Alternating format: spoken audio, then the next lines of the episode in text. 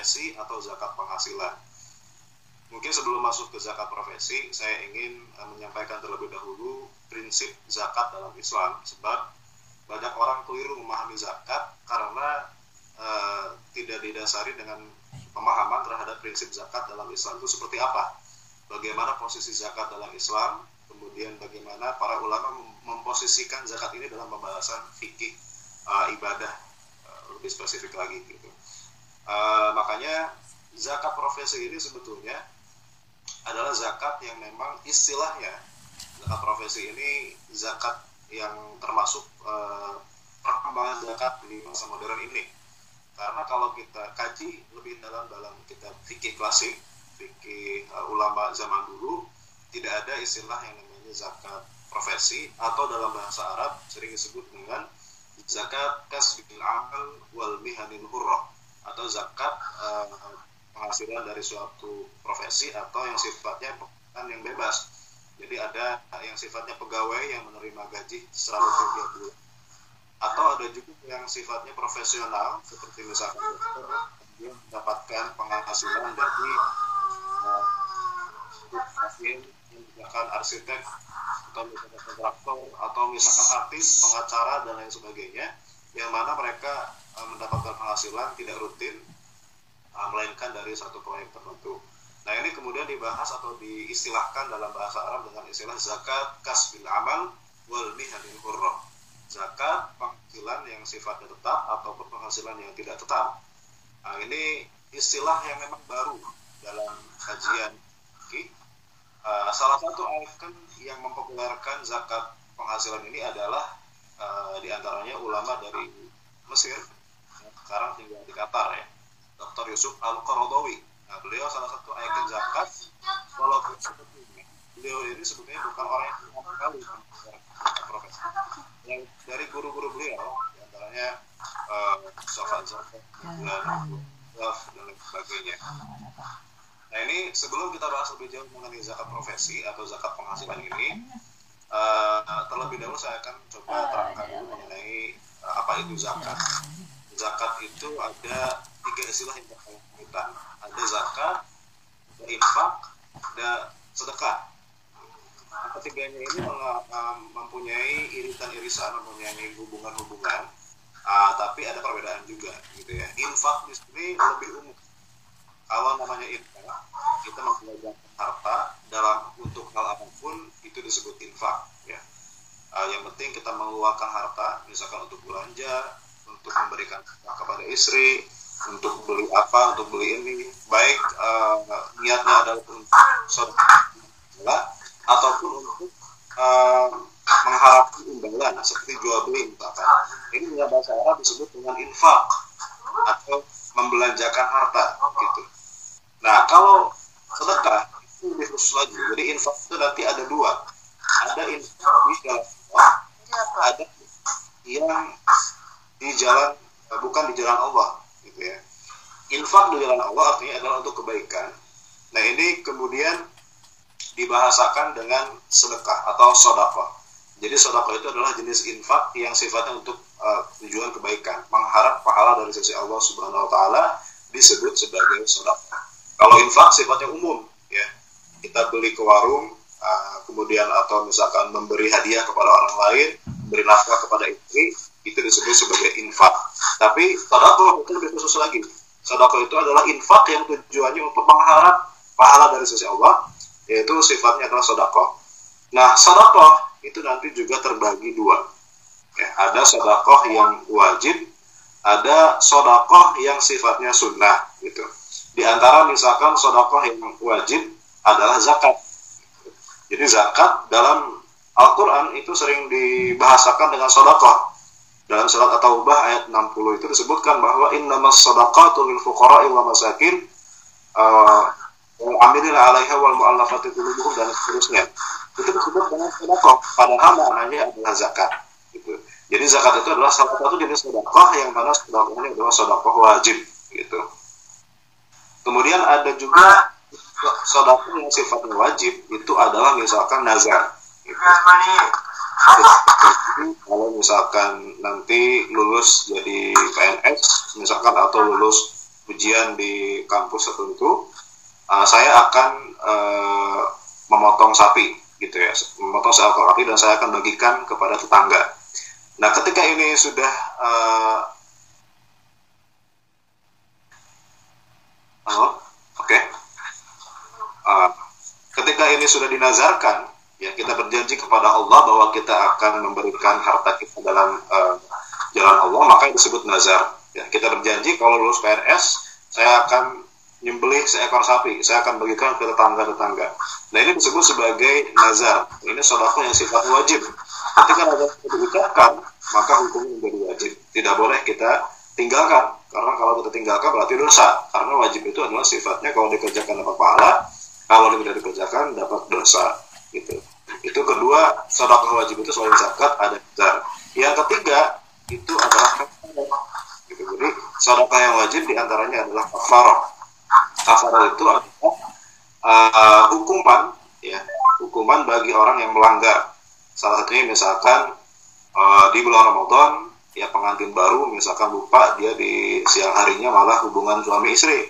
Maka dia kemudian wajib untuk membayar kafarah yaitu berupa salah satunya it'amu sitin dan miskinan. Memberi makan 60 orang miskin. Nah, ini memberi makan 60 orang miskin sifatnya adalah sodakoh tapi sodakoh yang wajib. Karena ini merupakan bentuk kafarah atau hukuman bagi orang yang melanggar. Salah satunya misalkan tadi uh, jima atau hubungan suami istri di siang hari bulan Ramadan. Nah kemudian yang paling banyak adalah sodakoh yang sifatnya sunnah. Ya sodakoh yang sifatnya sunnah tentu banyak sekali. Ya misalkan kita memberi uh, ke sodakoh kepada yatim piatu. Atau misalkan kita wakaf. Wakaf juga bentuk sodakoh yang sifatnya sunnah. Atau kita memberi makan orang miskin di tengah jalan kita ngasih uh, pengamen atau kita ngasih uh, pengemis dan lain sebagainya itu disebut sebagai sodakoh yang sifatnya sunnah. Atau juga termasuk yang sodakoh sunnah adalah kurban. Ibadah kurban itu adalah salah satu uh, termasuk ke dalam sodakoh yang sifatnya sunnah atau akikah akikoh dalam bahasa Arab itu juga termasuk ke dalam salah satu uh, sodakoh yang sifatnya sunnah gitu. maka posisinya adalah zakat itu merupakan bagian dari sodakoh yang sifatnya wajib. Selain ada nazar selain ada tadi kafar selain itu hukumnya adalah sunnah. Jadi yang kita pahami adalah yang harus kita pahami bahwa zakat itu hanya sebagian kecil dari rangkaian ibadah yang sifatnya ibadah maliyah ibadah yang sifatnya harta. Jadi jangan kita pahami bahwa ibadah harta itu cuma zakat jadi ibadah zakat itu hanya sebagian kecil saja, ya, di antara bangunan ibadah uh, yang sifatnya harta. Ada untuk sodakoh, wakaf, gitu kan, kurban, akikoh, ya, kemudian hibah, dia dan lain sebagainya. Zakat hanya sebagian kecil saja. Oke. Okay? Kemudian yang harus kita bedakan juga antara uh, zakat dengan sedekah itu adalah pertama bahwa ketentuan zakat itu sudah diatur dalam Al-Quran dan Sunnah ya jadi seperti halnya kita sholat. Ya, sholat zuhur sholat asar itu kenapa harus empat rakaat? Sholat isya empat rakaat sholat maghrib tiga rakaat sholat subuh dua rakaat itu semua sudah diatur dalam uh, syariat dalam nas dalam teks syariat dalam Al-Quran maupun As-Sunnah. Gitu. jadi tidak ada di sini uh, istihad para ulama tapi ini merupakan apa namanya aturan dari Allah Subhanahu Wa Taala langsung diturunkan dalam Al-Quran dan As-Sunnah.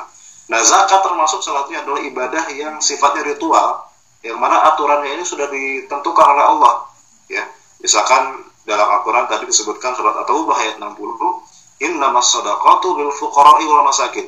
Ini menyebutkan bahwa uh, zakat ini hanya khusus bagi delapan pihak saja. Jadi dari penerima zakat ditentukan. Hanya delapan pihak yang boleh menerima zakat. Selain itu tidak boleh menerima zakat. Kemudian dari sisi besarannya ya besaran zakat itu ditentukan ketentuannya misalkan zakat anak zakat perak. Itu nisabnya adalah 85 gram ya. Atau senilai dengan 42 juta. Kalau misalkan satu gramnya 500 ribu. Kalau misalkan zakat pertanian zakat uh, perkebunan itu nisabnya lah sekitar 650 kg gabah atau 520 kg beras atau misalkan zakat peternakan ya. Kalau unta misalkan nisabnya 5 ekor sapi 20 ekor kemudian uh, kambing 40 ekor itu sudah ditentukan besarannya. Kurang dari itu tidak wajib kena zakat. Beda dengan sodako. Sodako itu sifatnya bebas. Tidak harus menunggu harta kita mencapai nisab ya. Harta kita baru punya sedikit saja kita sudah boleh tentunya untuk melakukan sodako bahkan dianjurkan. Beda dengan zakat kalau zakat belum mencapai nisab maka belum wajib untuk membayar zakat. Gitu. karena zakat ini ibadahnya sifatnya ritual tabu di dalam istilahnya. Uh, yang mana aturannya sudah baku ditetapkan oleh Allah Subhanahu wa taala dan rasulnya. Kemudian dari sisi kriterianya ya tidak semua harta itu wajib kena zakat atau kena wajib zakat. Hanya beberapa jenis harta saja yang diwajibkan untuk dikenakan bayar zakat ya misalkan tadi kita sebutkan ada zakat pertanian dalam zakat pertanian ternyata tidak semua jenis tanaman, tidak semua jenis uh, pertanian itu diwajibkan kena zakat. Bahkan dalam mazhab Syafi'i, ya, yang diwajibkan dari jenis zakat pertanian ini hanyalah yang sifatnya uh, makanan pokok, ya. Jadi padi, gitu ya, menanam padi atau menanam jagung, kalau di tempat yang memang makanan pokoknya jagung, maka itu saja yang kena wajib zakat. Selain itu, maka tanaman apa pun, sawit misalkan, walaupun menghasilkan uh, minyak sawit yang berjuta-juta ini kemudian tidak uh, kena zakat. Kalau dalam madhab asy-syafi'i. Lain halnya nanti dengan madhab Hanafi yang mengatakan semua jenis tanaman itu kena zakat. Nah ini peraturan dalam zakat pertanian. Lain lagi misalkan dengan tadi uh, nanti zakat peternakan zakat peternakan itu uh, tidak semua hewan juga kena zakat ada jenis-jenis hewan yang hanya dikenakan zakat misalkan Al-an'am dalam bahasa Arab itu adalah hewan termasuk uh, sapi, kambing, unta dan sejenisnya. Ayam, walaupun kita misalkan ternak ayam menghasilkan banyak uh, penghasilan, ini tidak termasuk zakat peternakan. Nanti mungkin masuknya adalah ke dalam mas, uh, zakat perniagaan atau zakat barang dagangan. Kalau zakat peternakan hanya beberapa karena ini sudah misalkan zakat uh, emas dan perak tentu hanya dikeluarkan dari emas dan perak. Kalau sekarang karena alat tukar sudah tidak lagi berbentuk emas dan perak, melainkan berbentuk uang emas, maka yang keluarkan itu adalah dari zakat dikiaskan kepada zakat emas dan perak. Oke, kemudian dari sisi mustahik, dari sisi orang yang menerima zakat itu e, kalau sodakoh kita bebas memberikan sodakoh kepada siapa saja, tidak harus kepada delapan asnaf, tidak harus kepada delapan pihak yang disebutkan dalam Al-Quran. Tapi kalau zakat hanya boleh kepada delapan asnaf hanya boleh kepada delapan pihak yang disebutkan dalam surat At-Taubah ayat 60 kemudian dari sisi prosentasenya ya kita punya harta kita ingin sedekahkan berapapun dari harta kita tentu saja bebas. Kita mau menyedekahkan setengah dari harta harta kita bahkan mau menyedekahkan seluruh harta kita tapi kalau zakat ada aturannya tidak semuanya harus dibayarkan. Misalkan kalau zakat emas itu hanya dua setengah persen. Kalau misalkan zakat pertanian hanya 10 atau 5 persen saja. Atau zakat rikaz barang temuan itu hanya itu 20 persen, uh, 5 persen. 20 persen mohon maaf. Nah ini uh, apa namanya ada aturannya kalau dalam zakat. Jadi tidak tidak bebas gitu ya karena aturannya sudah diatur karena ini sifatnya adalah ibadah yang ritual atau ta'ambudi dalam istilah fikihnya. Kemudian dari sisi perantaranya, kalau zakat itu kita dianjurkan atau aturannya adalah kita bayarkan kepada amil zakat. Kalau sodakoh, kita bebas untuk uh, yang kita mau kasih. Gitu ya. Jadi ini perbedaan antara uh, zakat dengan sedekah. Kalau sedekah itu kita bebas kepada siapa saja, melainkan uh, uh, langsung tidak masalah tapi kalau zakat itu kita menunggu perantara amil zakat yang ditunjuk oleh seorang imam atau pemerintah yang sah yang kemudian ditugaskan untuk uh, menarik zakat dari muzaki. Ini kira-kira perbedaan antara zakat dan sodok yang harus kita pahami agar kita tidak salah memahami sehingga pikirannya bahwa zakat itu adalah hanya satu-satunya cara untuk uh, menyedekahkan harta kita. Ya, zakat itu hanya sebagian kecil saja gitu. Oke. Kemudian uh, dalil dari masalah dan zakat ini kita semua sudah tahu dalam surat uh, Al-Baqarah ayat 43 memang ketika di Mekah pun sudah ada perintah untuk melaksanakan zakat. Di antara surat Al-Baqarah ayat 43 A'udzubillahi minasyaitonirrajim. Wa aqimus salat wa atuz zakat. Kerjakanlah salat dan tunaikanlah zakat ini turun di Mekah artinya eh, sebelum Nabi hijrah ke Madinah sudah ada perintah untuk melaksanakan zakat walaupun zakatnya belum uh, kemudian uh, spesifik cara teknis pelaksanaannya. Ketika di Madinah tahun kedua hijriah barulah kemudian zakat itu dijelaskan uh, teknis pembayaran dan penarikannya. Berkaitan dengan zakat profesi ini memang menjadi uh, kontroversi di kalangan ulama kontemporer. Kenapa? Karena memang seperti yang saya bilang di awal bahwa zakat profesi ini adalah zakat yang sifatnya e, baru, istilah yang baru. Karena kalau kita cari di kitab-kitab klasik para ulama, zakat ini, zakat profesi ini tidak akan kita temukan istilah yang secara spesifik mengatakan e, zakat profesi atau dalam bahasa Arab disebut dengan zakat kasbil amal wal biharil hurrah. Zakat penghasilan yang baik pekerjaan tetap ataupun pekerjaan yang tidak tetap, pekerjaan yang sifatnya freelance gitu. Nah, di mana letak uh, permasalahan di zakat profesi ini? Ya, ulama terbagi dua. Ada yang pro terhadap uh, kewajiban zakat profesi, ada juga yang uh, menolak untuk uh, mewajibkan yang namanya zakat profesi. Di antara ikon uh, ulama yang pro terhadap kewajiban zakat profesi ini di antaranya adalah Dr. Yusuf Al-Qaradawi, uh, ulama Mesir yang dalam disertasinya Fiqhul Zakat beliau menjelaskan secara detail mengenai tata cara uh, kemudian bagaimana beliau menyimpulkan mengenai zakat profesi ini. Nah menurut beliau zakat profesi uh, kenapa diwajibkan? Karena berdasarkan pemikiran bahwa dulu petani saja itu diwajibkan zakat. Padahal petani penghasilannya tidak seberapa. Nah sekarang ya orang-orang sudah punya pekerjaan yang sifatnya menghasilkan banyak uang. Tidak capek-capean harus uh, macul, harus mengangkul di sawah, harus nunggu hasil panen berbulan-bulan hanya bekerja satu jam dua jam sudah bisa mendapatkan uang yang banyak. Yang itu harus e, melalui jerih payah atau melalui keringat kalau itu petani gitu ya. Jadi kemudian biasa tidak adil. Kalau pekerjaan-pekerjaan atau profesi-profesi yang sifatnya menghasilkan ini kemudian tidak dikenakan zakat. Sehingga timbullah uh, kemudian inisiatif untuk uh, kemudian uh, ada ada namanya menginisiasi zakat profesi atau zakat uh, penghasilan ini. Karena dulu memang sudah ada gitu ya di zaman Rasul di zaman ulama di zaman para sahabat yang namanya penghasilan sudah ada. Orang memiliki profesi itu sudah ada. Dulu ada gubernur ya di zaman Nabi ada beberapa sahabat yang diangkat jadi gubernur di beberapa daerah. Kemudian ada sekretaris katibusir itu semuanya digaji oleh negara dan tidak pernah kemudian ada pembahasan mengenai zakat profesi gitu ya. Maka ini menjadi hal yang baru.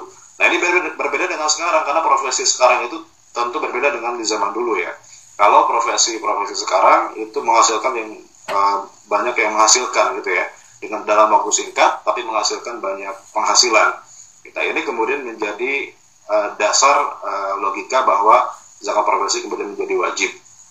Hanya saja yang dikritik dari uh, pendapat ini adalah bahwa zakat profesi ternyata uh, ulama yang mewajibkannya ini uh, ada yang tidak konsisten gitu ya. Di antara pendukung zakat profesi ini ternyata masing-masing punya teori sendiri dalam uh, melaksanakan zakat profesi ini.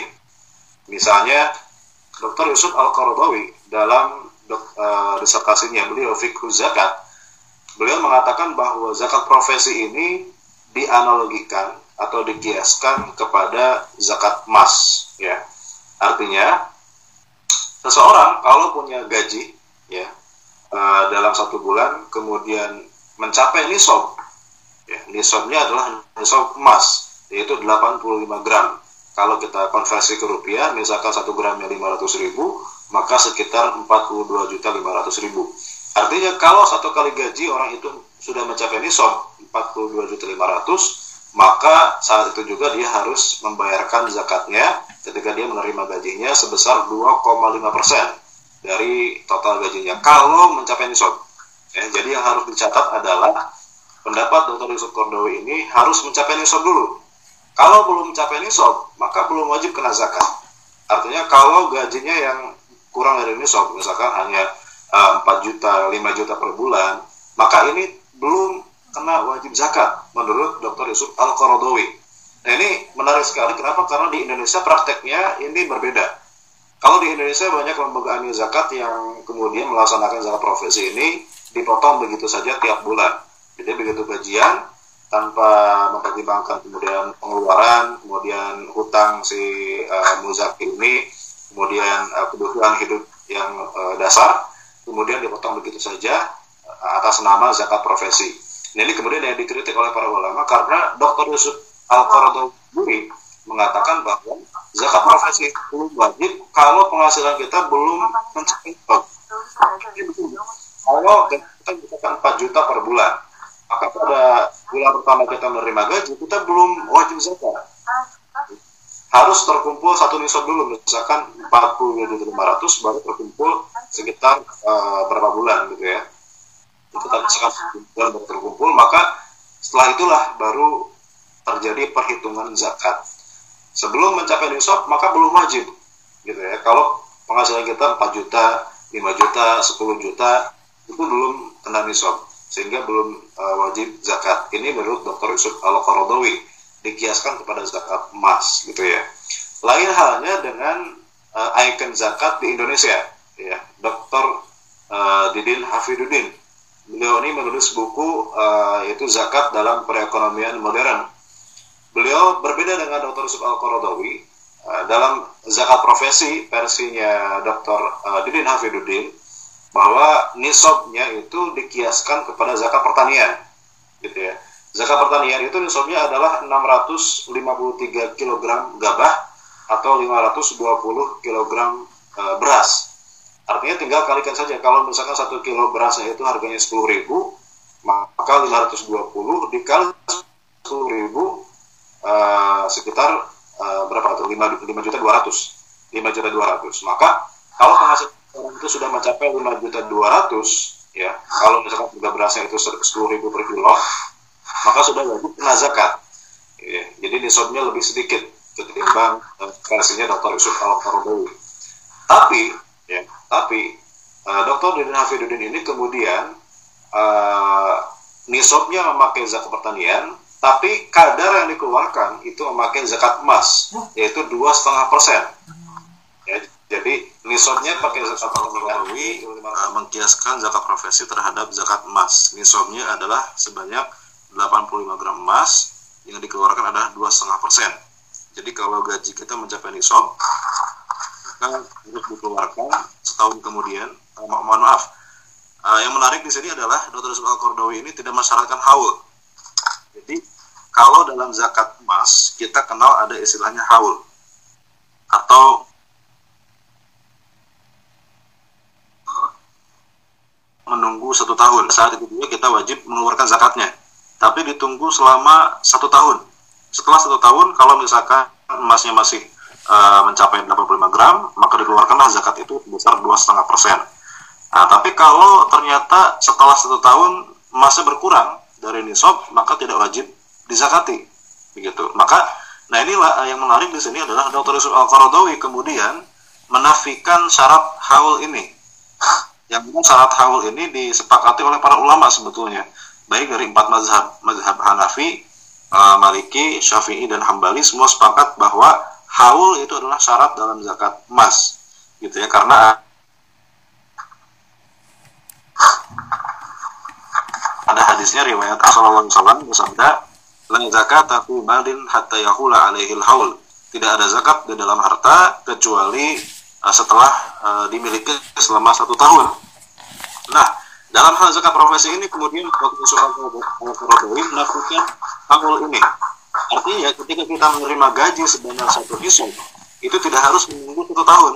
Saat itu juga kita wajib untuk membayarkan zakatnya. Ini menurut versinya Dr. Yusuf al Ini dengan Dr. Yusuf, uh, Dr. Didi Nafiruddin itu ya, sama-sama tidak awul, hanya saja jumlahnya berbeda. Ini sobnya memakai zakat pertanian yaitu sebanyak uh, 520 kg, senilai 520 kg. Gitu ya. Itu sama-sama Haul artinya ketika gajinya diterima maka saat itu juga kita wajib untuk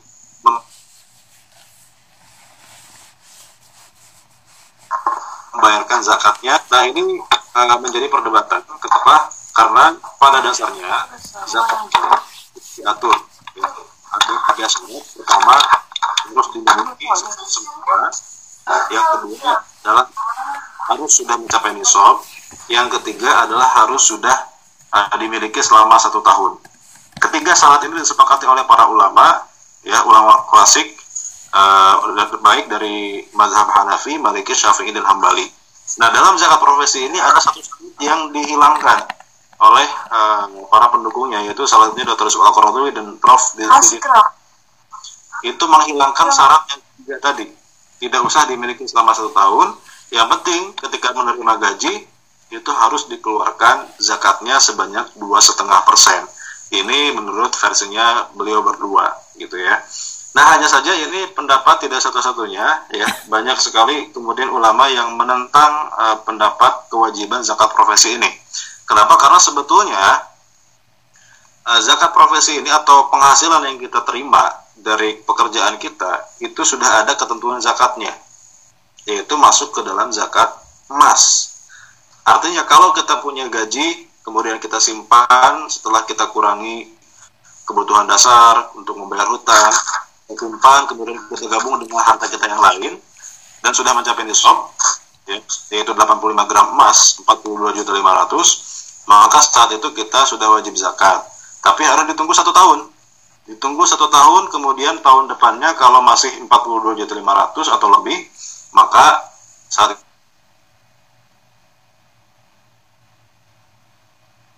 itu dibayarkan zakat. Profesi ini adalah masalahnya dalam haul ini jadi tidak mensyaratkan adanya haul, padahal syarat haul ini disepakati oleh para ulama, gitu ya, bahwa uh, zakat itu tidak wajib kecuali setelah dimiliki selama satu tahun.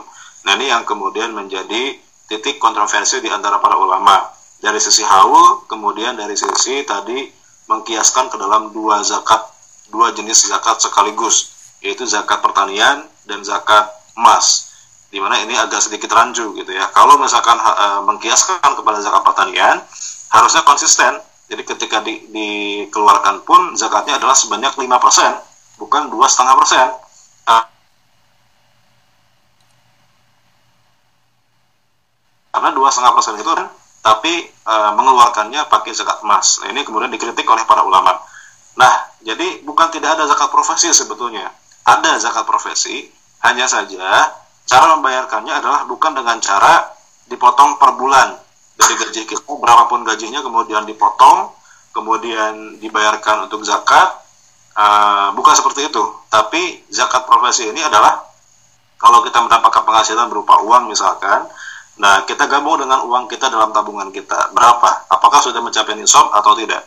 Kalau sudah mencapai nisab berarti kita hitung itu uh, tanggal pertama haul kita. Kita tunggu selama satu tahun, misalkan di bulan Ramadan kita sudah punya harta mencapai nisab, baik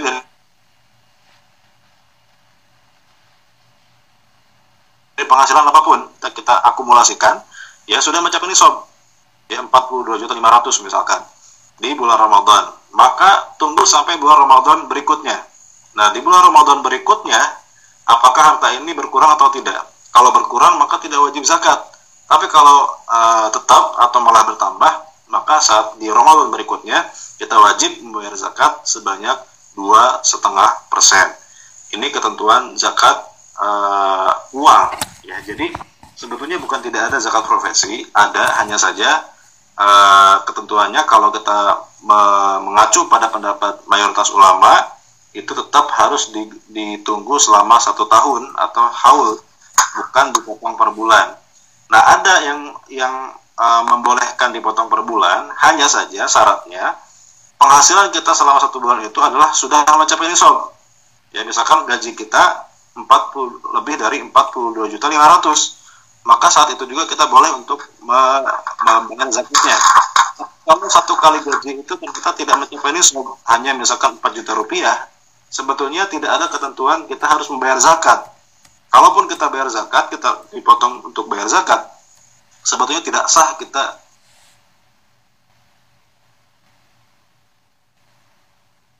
apa namanya tapi sebagai sodakoh tak tahu sebagai sodakoh biasa sodakoh yang sifatnya sunnah artinya ini tidak menggugurkan kewajiban kita. Nanti di akhir haul kalau ternyata harta kita mencapai nisab ya itu tetap wajib dibayarkan zakatnya. Karena zakat yang per bulan tadi karena belum mencapai nisab sebetulnya tidak belum dikatakan sebagai zakat. Karena zakat itu syaratnya adalah harus punya nisab dulu. Hartanya harus sudah mencapai nisab yaitu 85 gram emas atau sekitar uh, 42 juta 500 kalau harga per gramnya 500 ribu misalkan.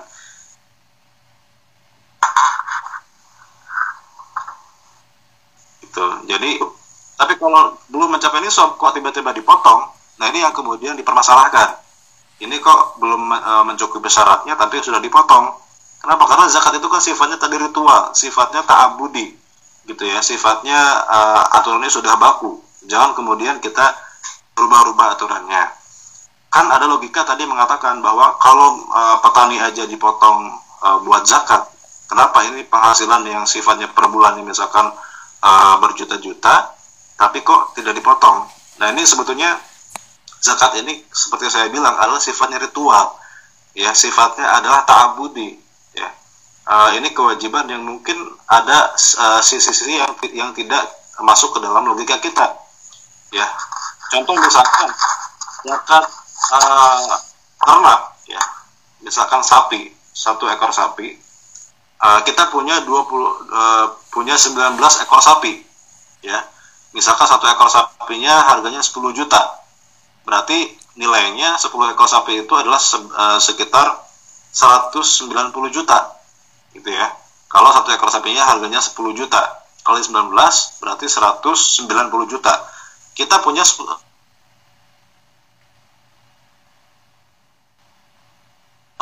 ekor sapi gitu ya. Jadi kalau kita logika logikaan nih gitu ya uh, petani itu nisabnya cuma 520 kg kalau dinilai uh, ke rupiah harganya sekitar 5 juta 200 kalau per kilonya 10 ribu. Tapi zakat sapi itu 20 ekor. Ya kalau kita nilai sebanyak misalkan satu ekor 10 juta 200 juta. Ini sangat jauh sekali. 5 juta 200 dengan 200 juta. Nah ini kan kalau kita adu adilan berarti Allah tidak adil dong. Kenapa zakat peternakan lebih besar? Sedangkan zakat apa, pertanian itu nisabnya lebih kecil. Ya jadi intinya bukan di masalah logika ini adil atau tidak. Ini seperti hanya sholat duhur kenapa sholat duhur 4 rakaat kenapa sholat subuh 2 rakaat nah ini tidak tidak bisa kita cerna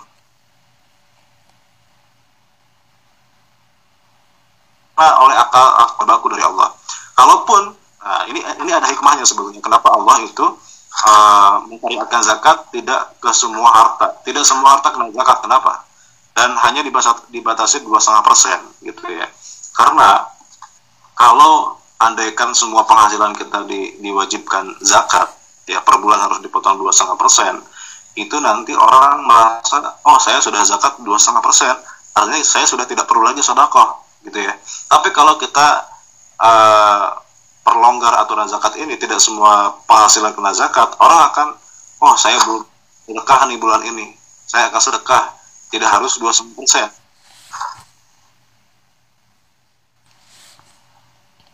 sedekah itu bisa lebih luasa dalam bersedekah tapi kalau sudah kita batasi dua setengah persen Nah, bisa jadi orang itu kemudian merasa sudah cukup sedekah dengan dua setengah persen saja.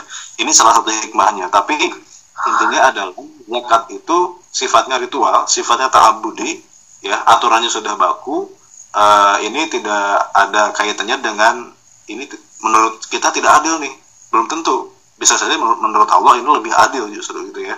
Jadi zakat profesi itu kesimpulannya adalah terbagi dua para ulama dalam hal ini ada yang mengatakan wajib, ada yang mengatakan tidak wajib.